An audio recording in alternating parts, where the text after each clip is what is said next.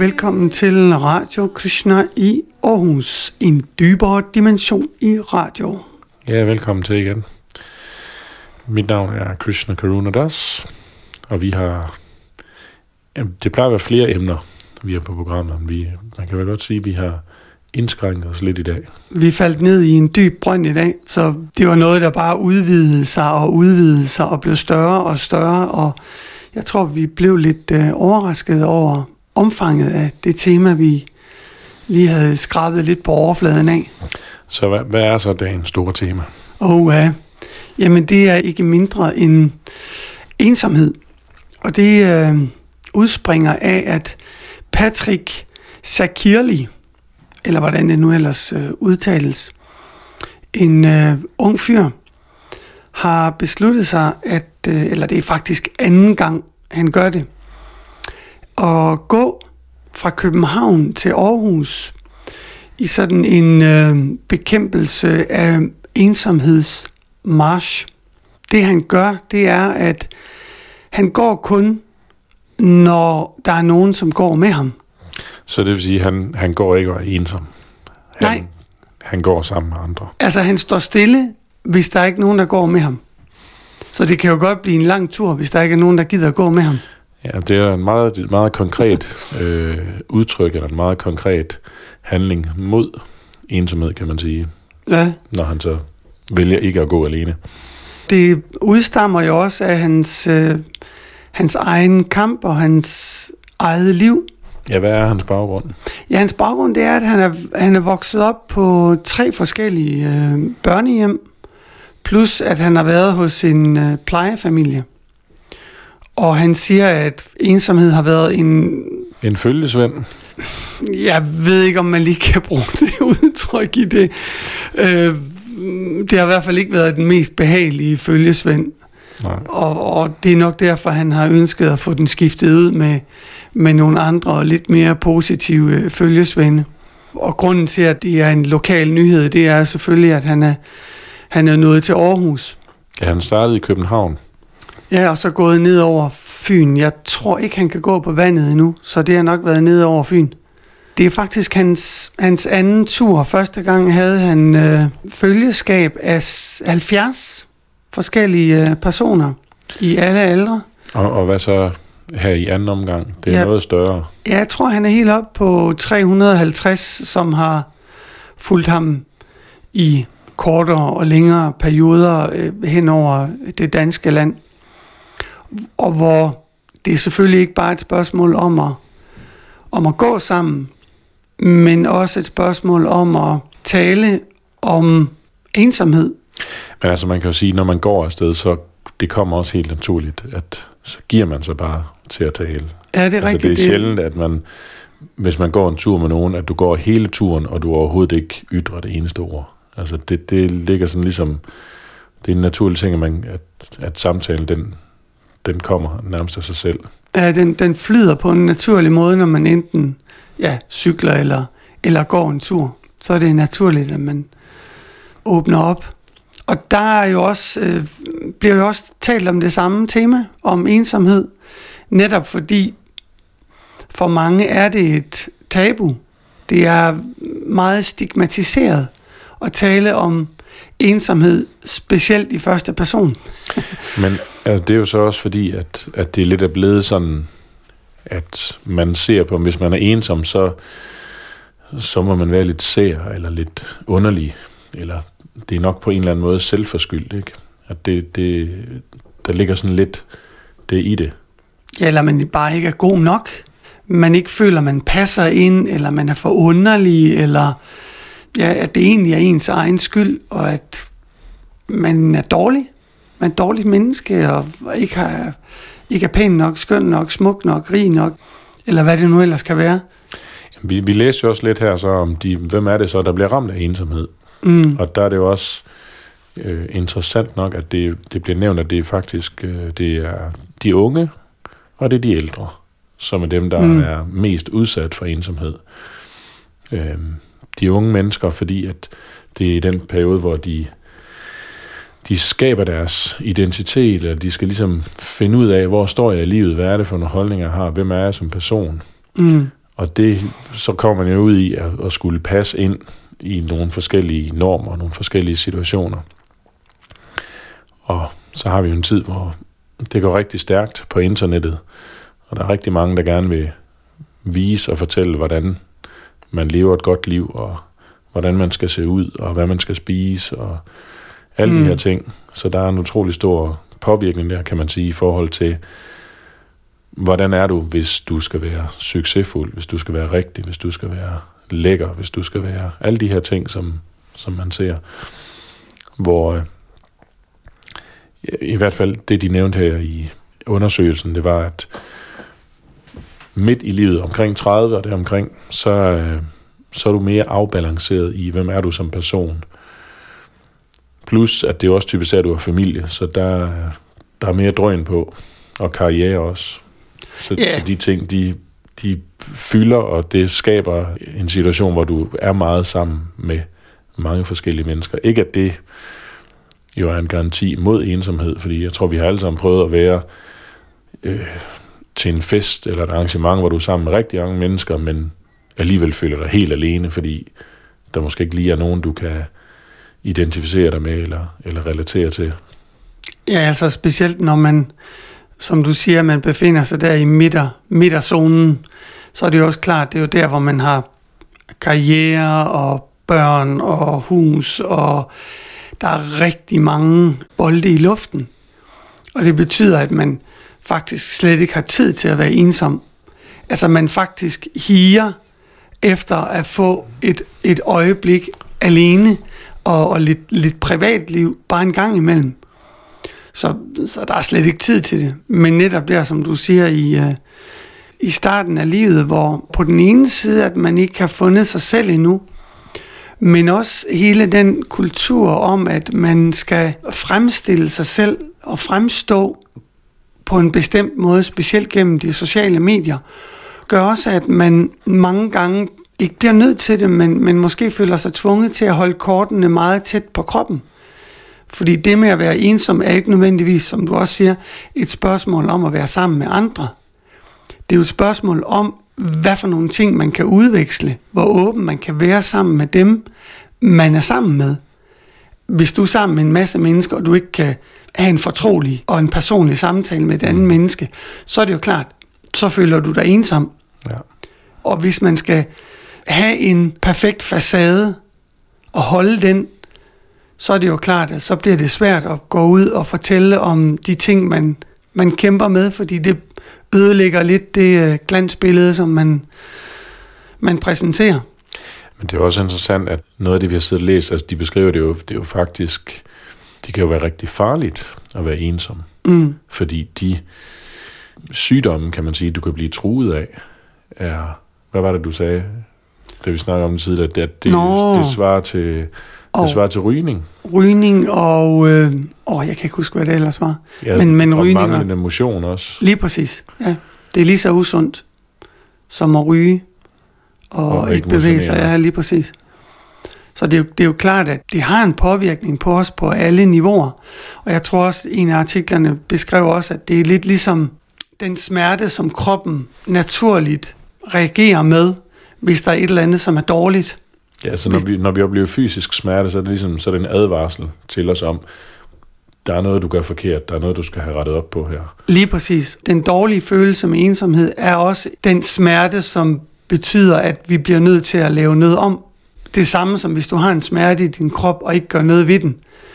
Altså, så ødelægger den, den jo dit liv, og det læste vi om sidste gang, hvordan er det en million danskere, som lever med kroniske smerter. Ja. Og der kan man jo også sige, at ensomhed er også noget, som man i gåsøjne kan lære at leve med, eller som mange måske vælger at, at leve med, i stedet for at sige, at nu, nu gør jeg altså noget ved det.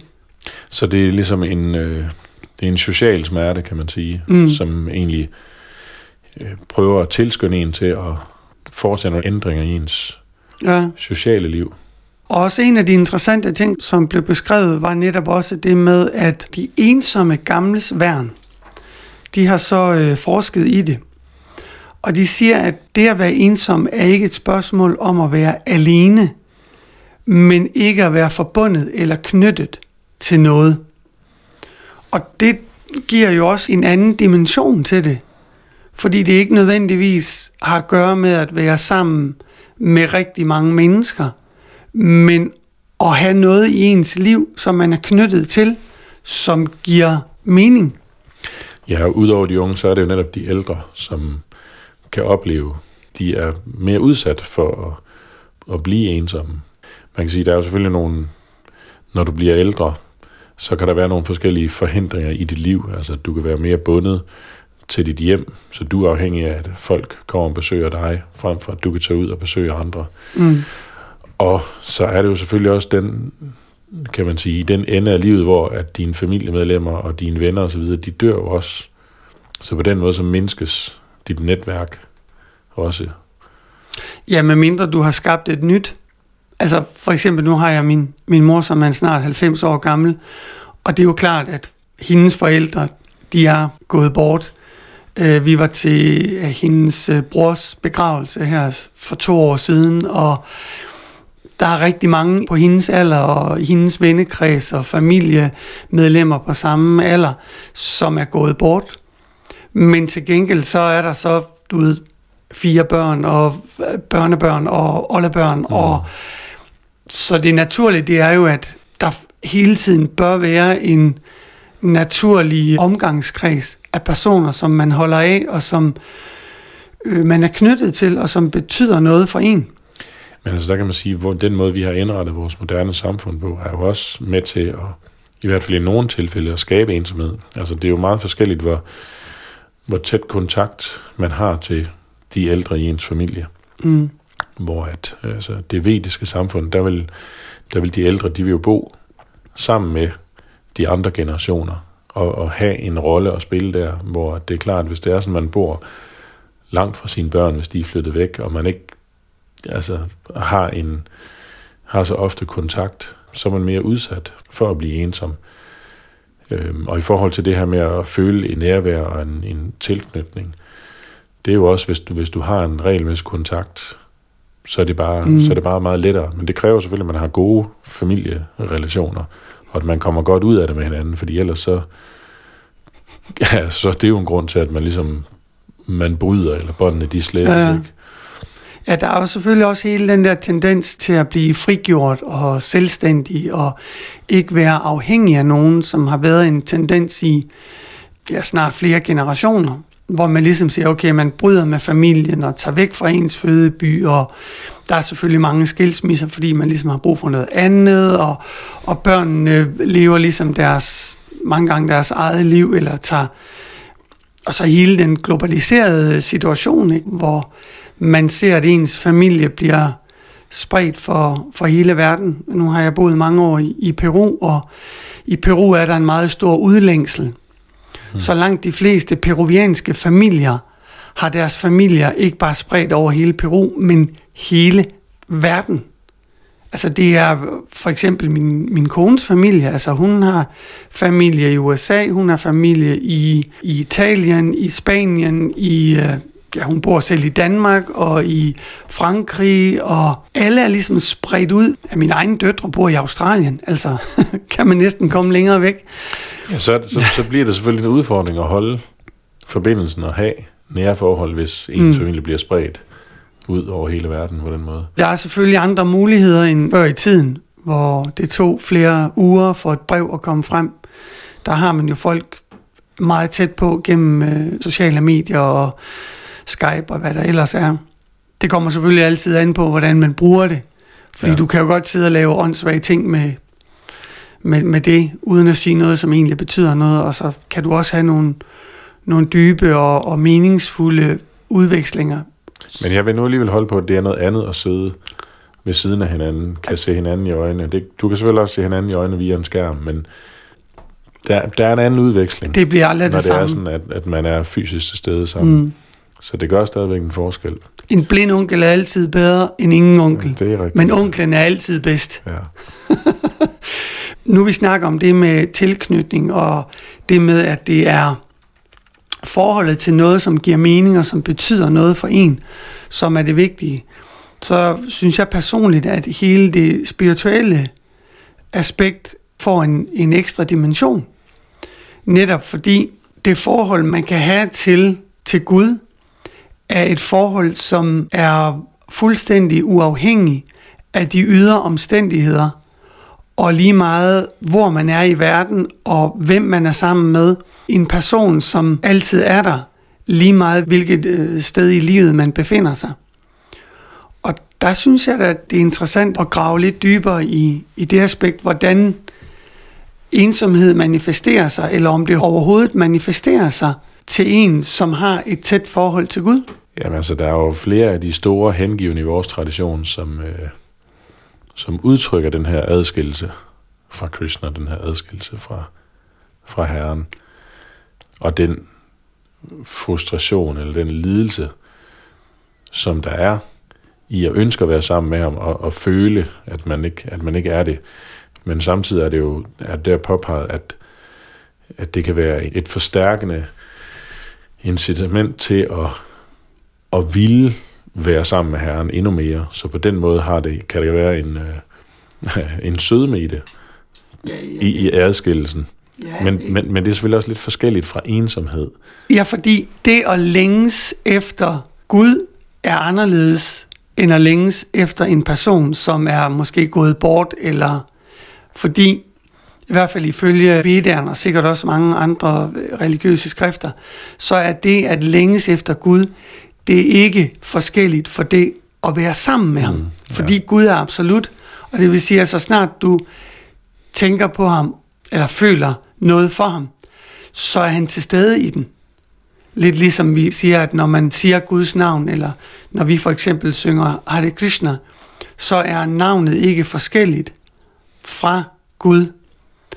Så selvom man måske føler, at Gud måske ikke er til stede, så er han der alligevel i den længsel. Det vil sige, at nu har vi ikke et præcist studie eller statistik på, hvordan øh, religiøse mennesker har det med ensomhed. Men mit umiddelbare gæt vil da være, at det er langt lavere. Det er jeg også overbevist om. Fordi sådan noget som bøn for eksempel, det er jo en måde at, at komme tæt på Gud. Et rigtig intimt, personligt forhold til Gud.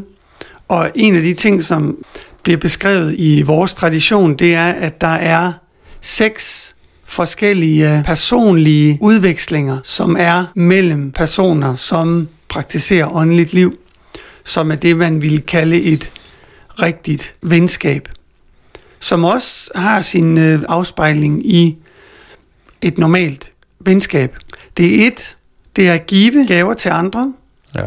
Det andet, det er at modtage gaver. Det mm. kommer som regel som en, en naturlig konsekvens af det.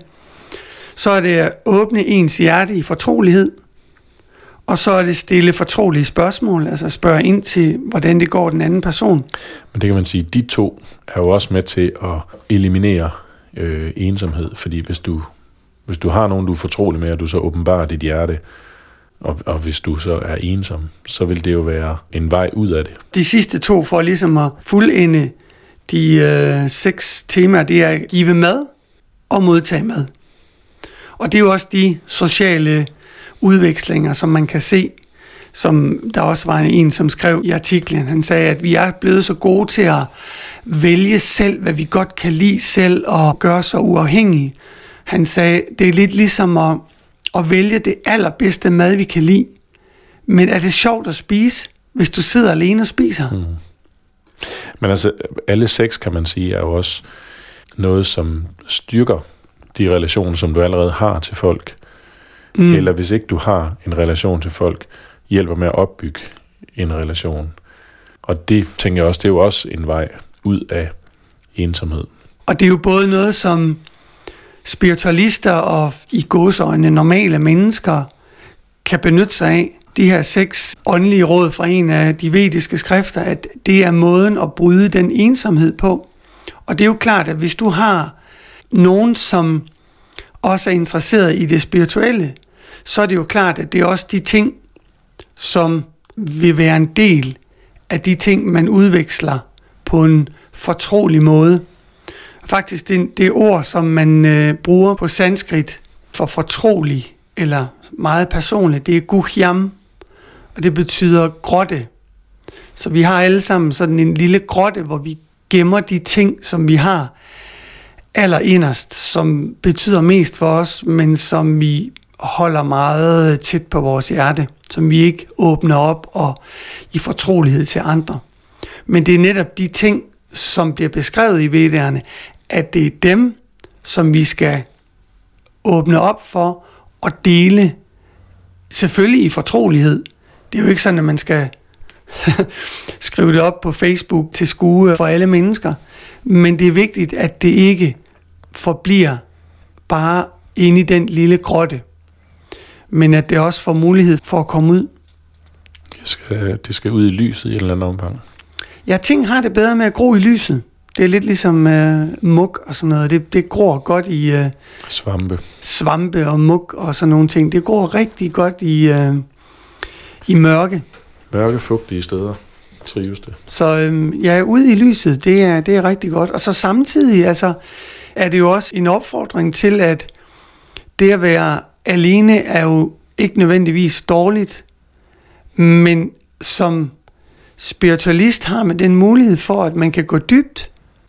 Det ser man jo også i forskellige traditioner. For eksempel, man så Jesus, som gik, var det, han gik op på bjerget i 40 dage, og, men at den der tid til at være alene er vigtig, men den skal ske i en vekselvirkning med at være sammen med andre, så man ligesom kan komme ud med de ting, man har tænkt over. Altså, jeg, jeg kan ikke lade være med at, også at sidde og tænke her, at dybest set, så er vi ikke alene. Altså, mm. Fordi Krishna, han sidder, han beskriver i Bhagavad Gita, mm. hvordan han sidder i vores hjerte. Sjælen og oversjælen sidder begge i hjertet på kroppen, og kroppen er som, som en maskine, mm-hmm. som vi så som, som person, som sjælen, kan benytte til at agere i den her verden. Som du nævnte her tidligere, at bøn er en, er en vej til at ligesom forbinde sig med, med Herren. Mm. Og når man, når man gør det, så har man nemlig helt klart oplevelsen af ikke at være alene. Så dybest set, der er vi ikke ensomme. Nej. Så, så, så det er selvfølgelig en, en, en forfærdelig situation at, at komme i, at man føler sig ensom. Så det er jo meget interessant det der med, at det egentlig er et, ligesom den fysiske smerte, så er der noget, der, der prøver at skubbe på en til at komme ud af ensomheden, og den, den virkelige vej ud af ensomheden er jo, vil jeg jo sige, den åndelige vej, fordi mm. de, de relationer også, som vi skaber i den her verden, med, med venner og familie, hvis vi ikke går bort først, så går de bort før os. Mm. Så der vil også være en, der vil også komme en adskillelse der. Men Herren sidder altid i vores, vores hjerte og er altid villig til at, at lytte til os, og er altid interesseret i, at vi genopvækker det forhold, vi har til ham. Mm.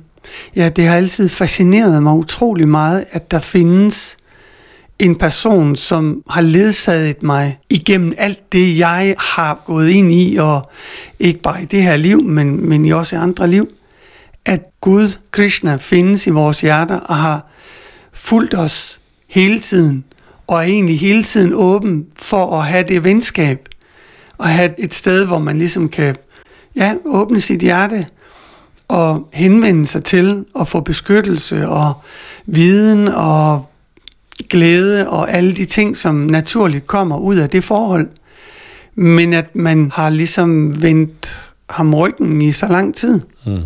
Det er egentlig uh, utroligt, at man har været i stand til at have en person så tæt på, og selvom man har født den smerte og den ensomhed, at man så ikke har gjort mere ved det. Det er egentlig også uh, utroligt. Men det er en vidunderlig uh, opdagelse, at man finder ud af, at nå ja, jamen Gud, Krishna, han, han er med mig hele tiden. Det kan så også være lidt, jeg ved ikke om man kan kalde det intimiderende, fordi så finder man pludselig ud af, at Nå, men nu kan jeg jo heller ikke skjule noget for nogen. ja, alt er, alt er til skue for ham i hvert fald. Der er ikke noget med Facebook-profiler over for ham. Det er det perfekte liv. Og Men så er det også med at forstå naturen af ham. Altså fordi mm, den frygt, som kan dukke op, det vil jo også være jamen, hvad vil han så bruge det til? Hvordan vil han, hvad er, hvad er konsekvensen af mine handlinger, ikke? Så mm. en ting er, at man kan, man kan gøre nogle dumme ting og nogle tåbelige ting, men kristen er jo af natur tilgivende, Mm. og altså, han ønsker jo også det bedste. Ikke det samme som, at der ikke er nogen reaktioner på, på de handlinger, der er, vi foretager os. Mm. Det, det, det ved vi jo i alle mulige sammenhænge. Altså, det kan vi jo se. Mm. Men at han ønsker os det bedste, og han vil os det godt. Så det er ikke sådan, at han leder efter et eller andet, om så kan han afpresse en med, at man har gjort det ene eller det andet. Altså, det er et kærligt... Han, han Mm. er et, et kærligt væsen, og hans ønske er, er kærlighed. Så det skal man selvfølgelig have med i sin, i sin forståelse af ham. For ja, det kan godt virke intimiderende med, at mm. der er en, der har der er en, der kender hver en tanke, jeg har tænkt, Mm. og, og meget, som man har gjort, og som man har tænkt, det har man allerede glemt igen. Mm. Men han husker det, og han ved, ja. hvad der er sket. Det siger han jo også til Arjuna, at vi har været sammen mange, mange liv før, og jeg husker dem alle, og du, du har glemt, mm. hvad der er sket. ja. Men det er også den der øh, fortrolighed, at man, den kommer først, når man har den der absolute tillid til det andet menneske, at det andet menneske eller den anden person ikke vil bruge det imod en eller til noget negativt. Og det er ja, jo klart... At, at den tillid, den er der, ja. Ja, lige præcis. Og det er jo også derfor, at... Øhm, hvad er ordet på sanskrit? Det er suhridam. Det kalder man ven. Krishna kalder sig selv ven, at han er vores ven. Su, det bruger man på sanskrit, når man vil sige meget. Og hridam, det betyder hjerte. Så det er en, som er meget tæt på ens hjerte. Det er den, der er aller tættest på ens hjerte. Han sidder lige ved siden af vores hjerte. Og det er jo klart, at han, han vil, som du siger, det allerbedste for os. Så hvorfor skulle man være bange for at åbne sit, sit hjerte, når han allerede ved, hvad der sker? Det er jo også det, der sker i, i meget tætte forhold. At den anden, det kan jeg da i hvert fald mærke, at dem, som jeg har tæt på mig, at jeg behøver jo ikke at sige noget. De ved jo godt, hvordan jeg har det. Mm. Eller jeg kan da også godt se på dem. Altså min døtre eller min kone eller sådan noget. Altså personer, som er tæt på en, så ser vi med det samme, hvad der er galt. Fordi vi har så tæt et forhold. Ja. Så på den måde er, er, er Krishna jo fantastisk, fordi han er så tæt på, og han er jo den person, som vil os det allerbedst. Han har ikke bare gode intentioner, som vi andre måske en gang imellem kan have, men nogle gange ikke altid går så godt. Men der må man jo så også bare øh, prøve. Prøve sig frem. Mm. Ja, ja. Prøve med bøn. Prøve at henvende sig til ham, og så se, hvad for en oplevelse får jeg ud af det. Mm. Og så oplever man jo, at det var ikke farligt. Det var ikke slemt. Jeg blev ikke ramt af lynet. Det var faktisk, det var faktisk en rigtig behagelig oplevelse. Det var rigtig dejligt at mærke det nærvær og den opmærksomhed, som, som man, kan, man kan opnå gennem, gennem meditation, Mm. gennem bøn. ja. Så det kan vi jo kun opfordre til at prøve. Ja, hvis I har lyst til at følge med Patrick, så er jeg sikker på, at han er med på lidt godt selskab, og jeg tror også, at han er interesseret i at, hvis I har nogle øh, spirituelle input der, så er han sikkert også åben for det. Ja. Skal vi, øh, skal vi sige, det var nok om, om ensomhed for i dag? Det tror jeg. Jeg tror, vi kom sådan rimeligt omkring Ja, dagens emne, ensomhed. Dagens store emne. ja uha da da. Men øh, skal vi tage et lille stykke musik, inden vi slutter af med et øh, mini-tema? Lad os gøre det. Det gør vi.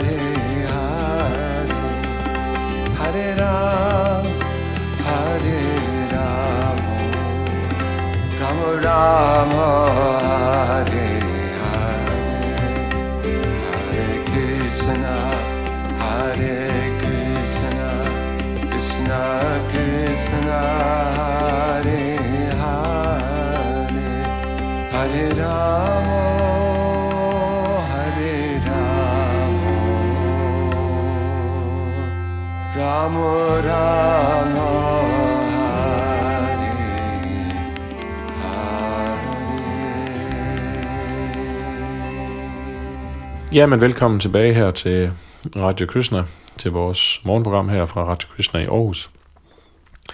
Nu sagde vi, at vi havde en lille ting, som vi ville slutte af med, og det er, at natteravnene, de starter nu ud, eller de kommer på vingerne her i Aarhus. Mm. Og øhm, det er så faktisk i dag, at de gør det. Klokken 21 i aften, der går de deres første tur, så skulle man være et ungt menneske, der er i byen, her på 1. maj.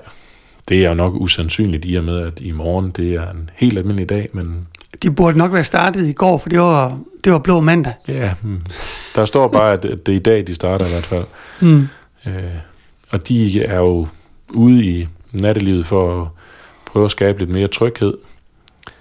Og de har deres kendetegnende gule jakker på, og de går altid mindst i grupper af tre, så det skulle mm. være en måde at, at kende dem på. Og øh, hvad gør de så, når de slendrer rundt i byen, og går de så ud og, i byen og har det sjovt, eller hvad, hvad laver de? Altså hvis man skulle være fræk, så kan man sige, at de gør jo ingenting. Fordi de, øh, det, er jo, det er jo en af deres... Øh, det er jo, at de, øh, de har de her gule jakker på for at være synlige, og de observerer, men, men de blander sig ikke. Altså hvis der er noget, der udvikler sig til tumult eller noget, så ringer de til politiet eller tilkalder professionel hjælp, hvis Mm. det er sådan, at det er det, der skal Mm. til. Altså de går heller ikke ind de forskellige steder, hvor de unge mennesker de går i byen. Så de går rundt udenfor. Og formålet det er, at hvis man har brug for en voksen til hjælp i en eller anden form, så kan man henvende sig til dem. Eller hvis man bare mm. Mm. har lyst til at gå hen og snakke med dem. Nå, så det er ikke sådan, når man er på, på diskotek og danser rundt, så kommer der lige pludselig... Nej, nej. De, øh, de, holder sig, de holder sig udenfor. De er på gaden eller i bus eller tog. Så det er ikke, de er ikke inde de forskellige beværtninger, caféer, diskoteker osv. Okay. Og det er noget, som sker hver aften, eller er det sådan i... Det er vel weekender og... Ja, jeg vil, også, jeg vil også tro, at det er mest weekender, men nu står der lige, at det er 1. maj, de starter klokken 9 i dag, så det er sådan... Men jeg, jeg tror også, det var fordi, de, de godt vidste, at det er 1. maj, og så kan det godt være, at folk de øh, fiser lidt rundt i byen og laver, laver lidt ballade, og, og måske har brug for en hjælpende hånd. Men øh, det er jo også... Ah, jeg går rundt, stadigvæk rundt i det der, hvad hedder det... Øh, ensomhed. Jamen, det, altså man kan jo selvfølgelig sige i, i forbindelse med vores tidligere tema, hvis man er ensom, og man ser sådan tre nattevagter, så kan man jo også gå hen og tage en snak med dem. Ja, fordi det er jo også øh, lidt underligt, at børn går rundt alene i nattelivet. Du ved, sent på aftenen og kan blive udsat for alle mulige forskellige ting. Det er jo, Jamen, grænserne Ja. rykker sig jo. det synes jeg ikke nødvendigvis er en, er en god ting. Hvor er forældrene lige på banen der? Jamen, det kan der kun være enig i, men nogle gange så udvikler tingene sig på en måde, hvor, altså det er vel, alle forældre har vel oplevelsen af, at børnene, de ikke gør, som de gerne vil, og det er svært at få dem til at gøre, mm. som de gerne vil. Som det her med natteravnen er vel et forsøg på at, at gøre noget, så man kan forbedre den situation, der er. Det kan godt at man ikke synes, at den er ideel, men, mm. Men at det kan hjælpe. Ja, ja. Eller også så kan det bare være, at det er bedsteforældrene, der går rundt. Fordi uh, forældrene til børnene, de har ikke tid. Så bedsteforældrene, det, det er de- også en mulighed. Og i bedste far kan du ikke lige melde dig ind i natteravnene, fordi vi har nogen til at passe på lille Sofie på 12, som fiser rundt i byen kl. 12 om aftenen. Ja, jeg håber ikke, at det er helt nede 12 år, at de render rundt og i byen så sent, men Jeg ved ikke, hvor lang tid man er børn. jamen, det har jo nok også ændret sig. Det, barndommen er blevet mindre, eller blevet kortere og kortere, og Ja, ja. ungdomslivet strækker sig også nogle gange op til, du er 30 eller et par 30. ja, det har jeg også hørt. Fra man er ja, 13 eller sådan noget, til man er, til man er midt i 30'erne. Så det, det er mange, de skal passe på, hvis det er de unge. Der er en, der er en stor opgave, der er. ja. Nu er de ude for at, at prøve at yde lidt, lidt hjælp i hvert fald, i form af samtale, og jamen, det kunne også være noget rådgivning. Jamen, så ved vi i hvert fald, at hvis vi uh, skulle få os ned i byen en, en sen aften, jeg ved ikke, hvad jeg skulle lave nede i Aarhus kl. 12 om aftenen, sådan en lørdag aften, men uh, hvis jeg nu skulle og havde problemer, så selvom jeg er jo heller ikke ung mere, det Så, så, heller så, ikke kan du henvende dig til en voksen. Åh, ja. Jamen, ved du hvad, jeg føler mig også ret barnlig nogle gange, så det, det kan da godt være, at jeg har brug for det. Men øh, jeg synes, det er rart. Altså, det, det er godt, at der er voksne mennesker, som, som er til stede sådan nogle, øh, ja, sådan nogle steder. Altså Jeg tænker, det kan, der er jo også nogle ting, som det sådan naturligt vil lægge en dæmper på, bare med deres Ja. tilstedeværelse, selvom folk ved, at de ikke sådan blander sig, hvis det er sådan, mm. at øh, tingene udvikler sig. Men bare prøv at snakke. Og det er jo også klart, at det ser man jo også tit med børn og unge, at de føler sig ligesom uh, king of the world. Vi kan alting. Vi er Usårlige. usårlige og det hele. Og så lige pludselig så sker der et eller andet, så, uh, hvad gør jeg nu? Åh, er der ikke en voksen til stede? Ja. Så tingene ligesom kommer i perspektiv. Og der er det jo rart, at når så det sandhedens øjeblik, det melder sig, Ja. At der så er nogen at henvende sig til, at man ikke skal ringe hjem til forældre, som ligger og snorker og, og som ikke kommer. At der så er en bedstefar lige rundt om hjørnet. Godt initiativ med de gule vindjakker. Og øh, god vind til natteravnene. Ja. Skal vi uh, sige, det var uh, de to temaer for i dag? Vi slutter af for i dag, eller hvad? Det var dagens udsendelse, ja. Jamen ved du hvad? Vi lukker og slukker her fra Radio Krishna. Og ja, mit navn var Ananta Sridas. ja mit navn er Krishna Karunadas. Og vi siger, Hare Krishna. Hare Krishna. Wake up, time to wake up. Come on now, wake up, wake up, sleeping soul. Yeah. Wake up, it's time to wake up. Come on now, wake up, wake up, sleeping soul. Sleeping to wake